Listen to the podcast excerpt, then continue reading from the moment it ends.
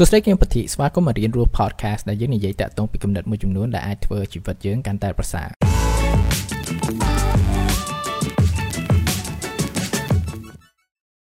ស្វាគមន៍មកចុងឆ្នាំ2021ចំពោះខ្ញុំគឺថាពេលដែលចុងឆ្នាំពីមួយឆ្នាំទៅឆ្នាំខ្ញុំតែងតែចង់រំលឹកតាក់ទងពី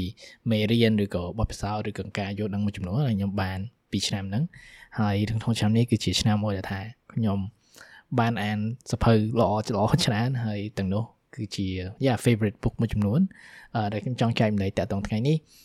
វាមានសភៅ10ក្បាលថាខ្ញុំ find it like profound impact ពីសភៅហ្នឹង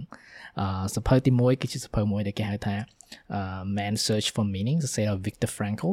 អឺវាជាសភៅមួយដែលនេះនិយាយតាក់ទងពីអត្តន័យនៃជីវិតហើយ Viktor Frankl ហ្នឹងគឺជាបុគ្គលម្នាក់ដែលអឺគេបានចាប់ដែរណានៅក្នុងជំរំសង្គ្រាមនៅ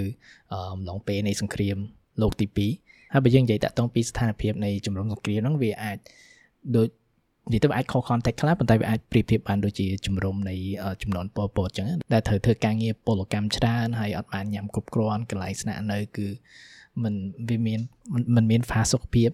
ហើយជាពិសេសគឺថាអាកាសធាតុក៏វាមិនល្អវាអាចក្តៅពេកឬក៏ត្រជាក់ពេកអីចឹងទៅហើយក្នុងបទពិសោធន៍របស់គាត់នៅក្នុង concentration camp ហ្នឹងគាត់បានរកឃើញអត្ថន័យក្នុងជីវិតឬក៏គោលដៅក្នុងជីវិតមួយក្នុងការសិក្សាតាក់ទងពីអឺ ការ response របស់មនុស្សយើង នៅពេលដែលលំបាកទាំងអស់ហ្នឹង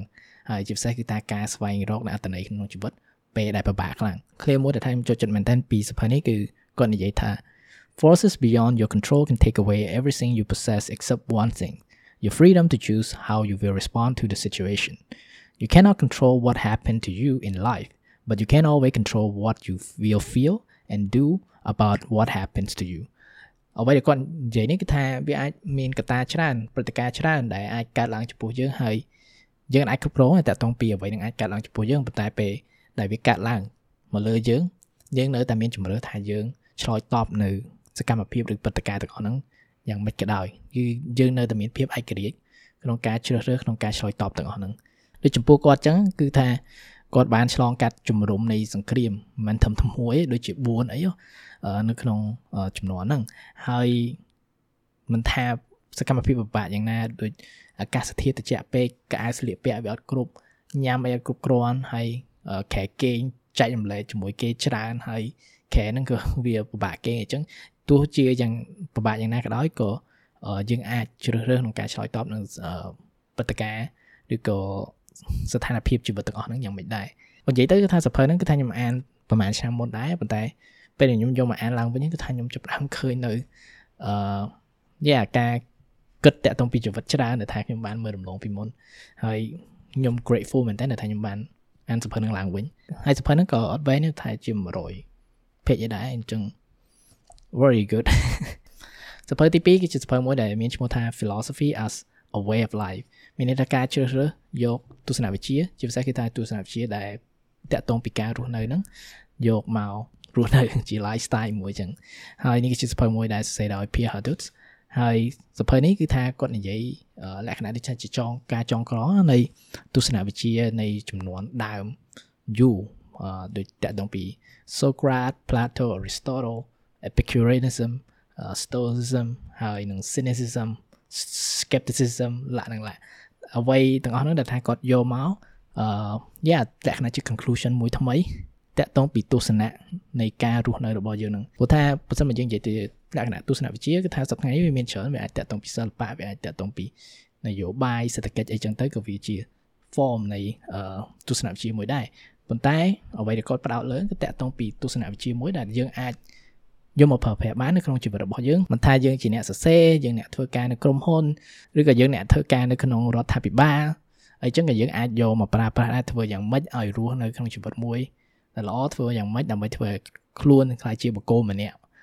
ដែលល្អនៅក្នុងសង្គមហើយយ៉ានេះគឺជាទស្សនៈមួយដែលថាយើងអាចយកមកប្រើប្រាស់បាននៅក្នុងជីវិតដើម្បីរស់នៅឲ្យកាន់តែប្រសើរសភៅទី2គឺជាសភៅមួយដែលមានឈ្មោះថា Inner Citadel អឺក៏ជាសភៅមួយ សរសេរដោយ Pierre Hadot ដែរហើយសភៅពីខ្មែរនេះមិននិយាយទៅថាពិបាកហៅមែនតើគេថាខ្ញុំខំពឹងរកឡើងប្រហែលខែមុំទៅបានព្រោះថាវាអត់ available នៅក្នុង Amazon Kindle Store ហើយនៅនៅកន្លែងនេះខ្ញុំនៅសប្តាហ៍ក៏វាអត់មានអញ្ចឹងគឺថាត្រូវការ special shipment ដើម្បីបានសភៅហ្នឹងតែ totally worth it inner citadel citadel ហ្នឹងគឺជាការ dive deep ទៅលើ philosophy របស់ Marcus Aurelius ហើយ Marcus Aurelius ហ្នឹងគឺជាស្ដេចនៃចក្រភពរ៉ូមម្នាក់ដែលល្អហើយអឺគាត់ធ្លាប់សរសេរសភៅមួយសភៅហ្នឹងគាត់សរសេរដើម្បីខ្លួនគាត់ដើម្បីគិតតាក់ទងពីជីវិតទេហើយសភៅហ្នឹងមានឈ្មោះថា meditation ខ្ញុំធ្លាប់ recommend ច្រើនដងមែនតើហើយការដែលអាន inner citadel ហ្នឹងគឺជាការសម្រាយមួយថ្មីព្រោះថាសភៅអឺ meditation ហ្នឹងគឺថាសរសេរឡើង2000ឆ្នាំហើយអញ្ចឹងថាការសម្រាយនិងការបកប្រែវាអាចបាត់បង់នៃអត្ថន័យខ្លះអញ្ចឹងណាហើយ Pierre Hadot ហ្នឹងគាត់ dedicate ពេលវេលារបស់គាត់ក្នុងការអឺជាសិក្សាតាក់ទងពី grade អីចឹងដើម្បីស្វែងយល់នៃអត្ថន័យដើមដើម្បីបកស្រាយធ្វើម៉េចឲ្យវា accurate និយាយទៅវាมันអាច accurate 100%ព្រោះថាគាត់មិនមែនជាអ្នកសរសេរ meditation ប៉ុន្តែវាអាចផ្ដល់អត្ថន័យមួយថ្មីដោយចំពោះខ្ញុំខ្ញុំធ្លាប់អាន meditation like 5ដងអីដែរប៉ុន្តែពេលដែលអាន inner citadel ការសម្រាយថាធေါ်ខុសពាក្យមួយពីរអញ្ចឹងក៏អាចយល់ដឹង នៅ conclusion មួយថ្មីដែរអញ្ចឹងបើសិនមកអ្នកទាំងអស់គ្នាចូលចិត្តលក្ខណៈដូចជាទស្សនវិជ្ជាជាពិសេសអឺបើធ្លាប់អាន meditation inner citadel is like a good way to dive deeper ទៅលើ uh philosophy របស់ Marcus Aurelius អូខេសភៅបន្ទាប់គឺជាសភៅមួយដែលមានឈ្មោះថា Mastery សរសេរដោយ Robert Greene ហើយសភៅនេះអឺតាមពិតវាក្រាស់ជាងហ្នឹងខ្ញុំធ្លាប់អានអាក្រាស់ហើយព្រោះទៅ ខ្ញុំចង់អានដើម្បីរំលឹកហ្នឹងខ្ញុំក៏ទិញមួយទៀតគឺជាលក្ខណៈ concise edition គឺជាលក្ខណៈដូចការសង្ខេបមួយរបស់អឺអ្នកសរសេរព្រោះថាអឺគាត់សភៅដើមគាត់ហ្នឹងគឺថាវាក្រាស់ពេកអញ្ចឹងហើយនេះគឺថាគាត់សរសេរមួយថ្មីទៀតគឺថាសម្រាយយកតាចំណុចណាដែលសំខាន់អញ្ចឹងទៅវាចាប់ផ្ដើមទួចឲ្យស្ដាងអញ្ចឹងទៅហើយសភៅនេះគឺជាសភៅមួយដែលនិយាយតាក់ទងពីជំនាញហេតុអ្វីបានយើងត្រូវមានជំនាញមួយ ឲ្យខ្លាំងឲ្យច្បាស់លាស់ព្រោះថាជំនាញហ្នឹងគឺជាតម្លៃមួយដែលយើងអាចផ្ដល់ឲ្យមនុស្សជុំវិញខ្លួនយើងមិនថានៅក្នុងការងារឬក្នុងជីវិតរបស់យើងឯងហើយក្នុងសភៅនេះក៏និយាយតាក់ទងពីអឺលក្ខណៈនៃទ្រឹស្ដីហើយជាមួយនឹងយុទ្ធសាស្ត្រមួយចំនួនដែលយើងអាចមានដើម្បីស្វែងរកនៅជំនាញមួយ ដែលយើងចង់ជំនាញហើយជាពិសេសគឺថាតកតងនឹងផ្លូវណាយើងគួរដើរដើម្បីធ្វើឲ្យយើងចាប់ផ្ដើមមានជំនាញនឹងកាន់តែខ្លាំងហើយ concept មួយដែលថាចូលចិត្តមែនតើពីសភៅហ្នឹងគាត់និយាយ គឺ concept ដែលគេហៅថា apprenticeship apprenticeship ហ្នឹងគឺដូចលក្ខណៈដូចជា internship ចឹងប៉ុន្តែវា more deep ហើយ more close ទៅលើអ្នកដែលបកកែនៅលើ craft ហ្នឹងហើយ yeah ហើយតិចមួយចំនួនគាត់ថាខ្ញុំយកមកប្រើដែរក្នុងអឺជីវិតរបស់ខ្ញុំវាជាអ្វីមួយថា good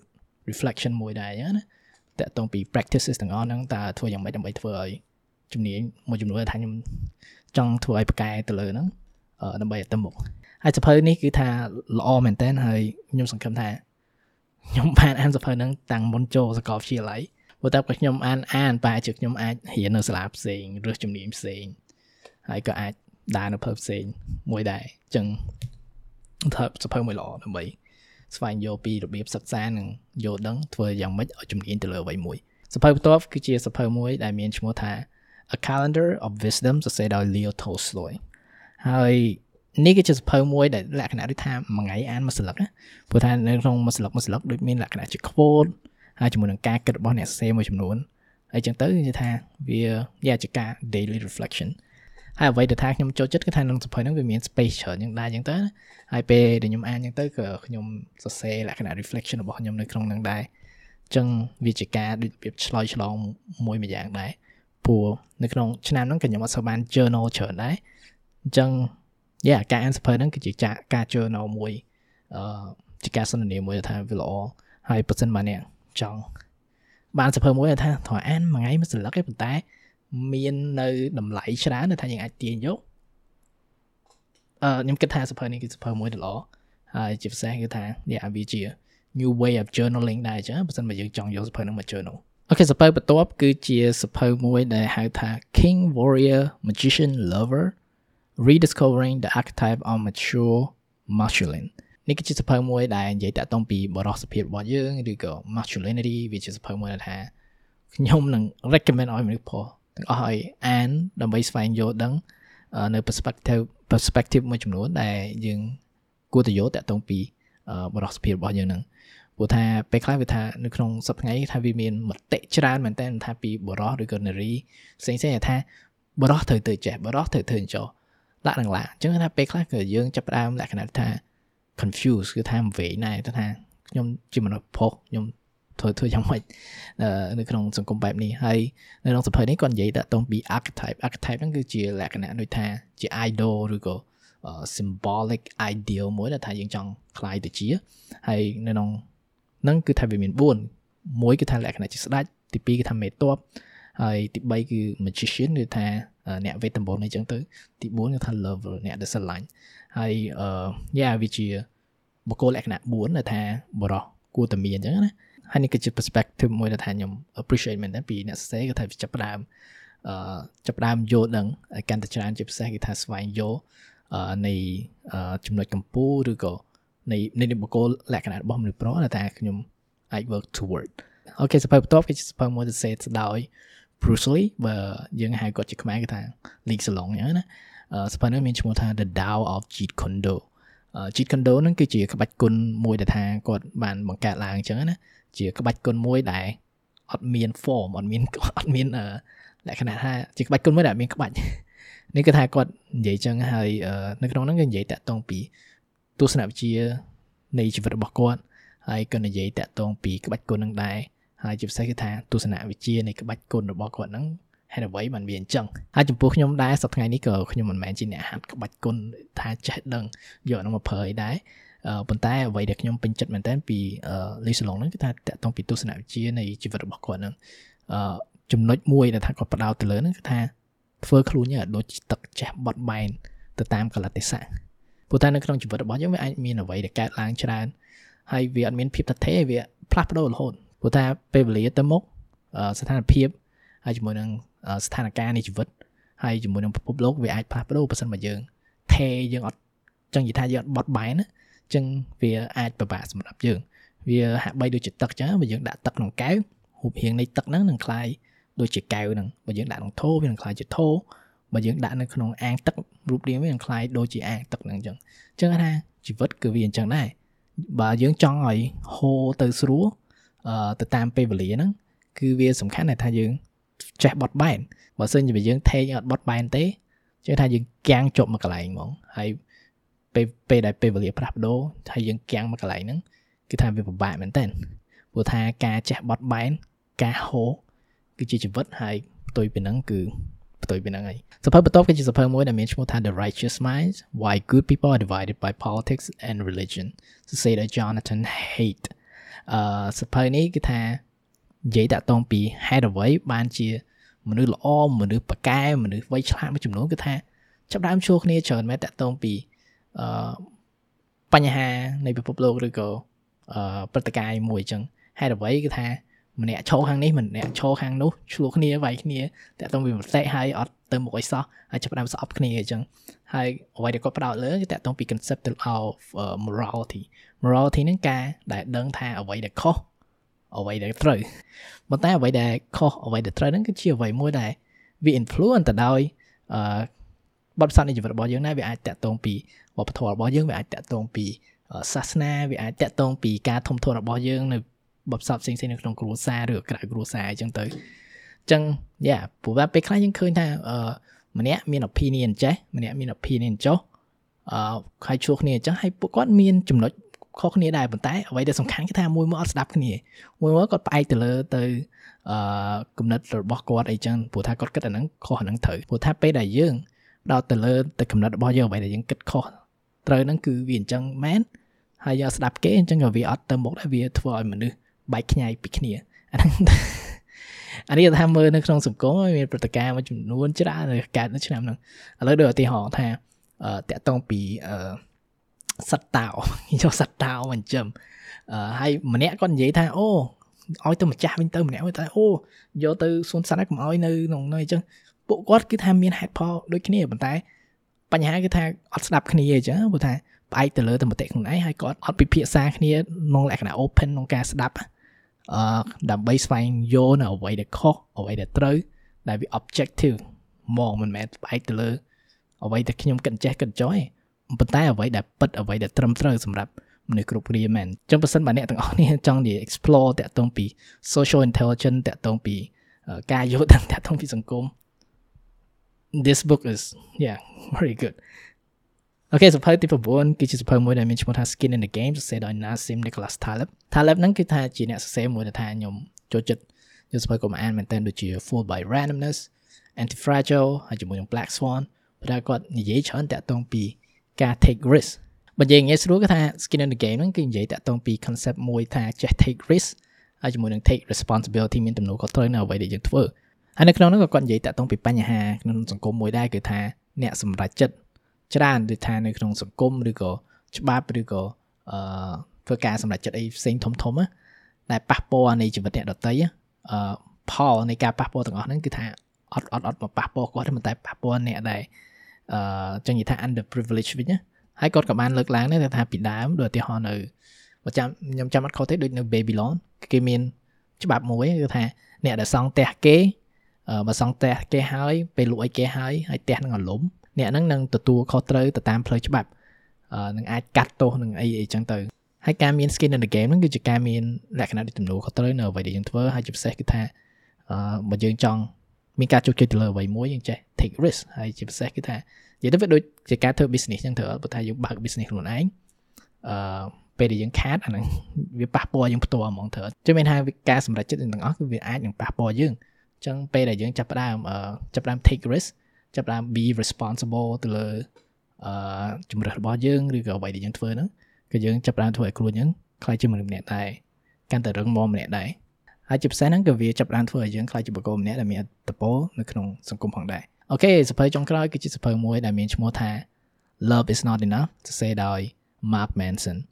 Mark Manson ហ្នឹងប្រហែលជាអ្នកទាំងអស់គ្នាធ្លាប់ឮឈ្មោះព្រោះថាគាត់ធ្លាប់សេសភៅមួយដែល3មានឈ្មោះថា The Subtle Art of Not Giving a Fuck ហើយ តាមពិតគឺថាយ៉ាគាត់និយាយតាក់ទងពី self help អីចឹងណាប៉ុន្តែអ្វីដែល Mark Manson ហ្នឹងប្រកែបំផុតហ្នឹងគឺប្រកែតាក់ទងការឲ្យដំបូងមានតាក់ទងពី relationship ហើយព្រោះថាគាត់មាន blog ដែលសេច្រើនតាក់ទងពីហ្នឹងហើយក្នុងសភៅនេះគឺថាយ៉ាវាជា audio book មួយដែលថា uh available យ៉ានៅក្នុង only at on audible ហើយវាជាការបត់ធ្វើការបត់សម្ភាសមួយគឺថាគាត់សម្ភាសទៅមកជាមួយអ្នកដែល volunteer នៅក្នុង project នឹងរបស់គាត់ ដើម្បីខូចតាក់ទងពី relationship ចឹងណាហើយនៅក្នុងការសម្ភាសហ្នឹងគាត់ក៏បាន deconstruct ទៅជាលក្ខណៈជា advice ហើយ pattern មួយចំនួនដែលយើងអាចចាប់ផ្ដើមយល់ដឹងកាន់តែច្រើនតាក់ទងពីអឺសេចក្តីស្នេហាឬការស្រឡាញ់មនុស្សម្នាក់អីចឹងហើយក៏ចាប់ផ្ដើមយ៉ាយល់ដឹងច្រើនហើយនេះគឺជាសភៅមួយដែលខ្ញុំគិតថាបើនិយាយតាក់ទងពី relationship like one of the best book អឺដែលអ្នកអាចមើលទៅបាននិយាយទៅគឺថាវាដូចនៅក្នុង title នៃសភៅហ្នឹងអញ្ចឹងថា love is not enough ការស្រឡាញ់ ការបង្ហាញនៃក្តីស្រឡាញ់ហ្នឹងគឺវាមិនគ្រប់គ្រាន់គឺថាការដែលយើងមាន relationship មួយមនុស្សម្នាក់គឺថាវា more complicated ហើយ yeah ការយល់ដឹងកាន់តែច្រើនតាក់ទងពី pattern តាក់ទងពីអឺចំណុចមួយចំនួននៃ relationship ដែលដែលយើងគួរតែយល់ដឹងហ្នឹងក៏វាជួយយើងណាខ្លាចជា partner ម្នាក់កាន់តែល្អ yeah totally recommended អូខេនេះជាសភៅ10ក្បាលយ៉ា10ក្បាលវាច្រើនពេលដែលត្រូវនិយាយចឹងអេពីសូតនោះវាអាច វែងជាងរាល់ដងអឺនេះហើយសភៅ10ក្បាលនេះទៅវាមានអត្ថប្រយោជន៍ចំពោះខ្ញុំច្រើនមែនតើនៅក្នុងឆ្នាំនេះ philosophy as a way of life in a citadel man search for meaning kings warrior magician lover Dao Jeet Kune Do a calendar of wisdom the righteous mind mastery skin in the game and love is not enough ហើយនេះគឺជាសភៅ10ក្បាលថា most impactful for me ហើយ yeah អ្នកទាំងអស់គ្នាក៏អាច check ទៅមើលដែរព្រោះតែ ខ្ញុំគិតថាវានឹងអាចឲ្យតម្លៃមួយចំនួននៅក្នុងជីវិតរបស់អ្នកបាទអាច check ទៅនឹងបានអូខេហើយ happy reading ហើយ yeah ជួបគ្នាថ្ងៃក្រោយអរគុណហើយ yeah សួស្តីឆ្នាំថ្មីនៅខាងមុខនេះ bye bye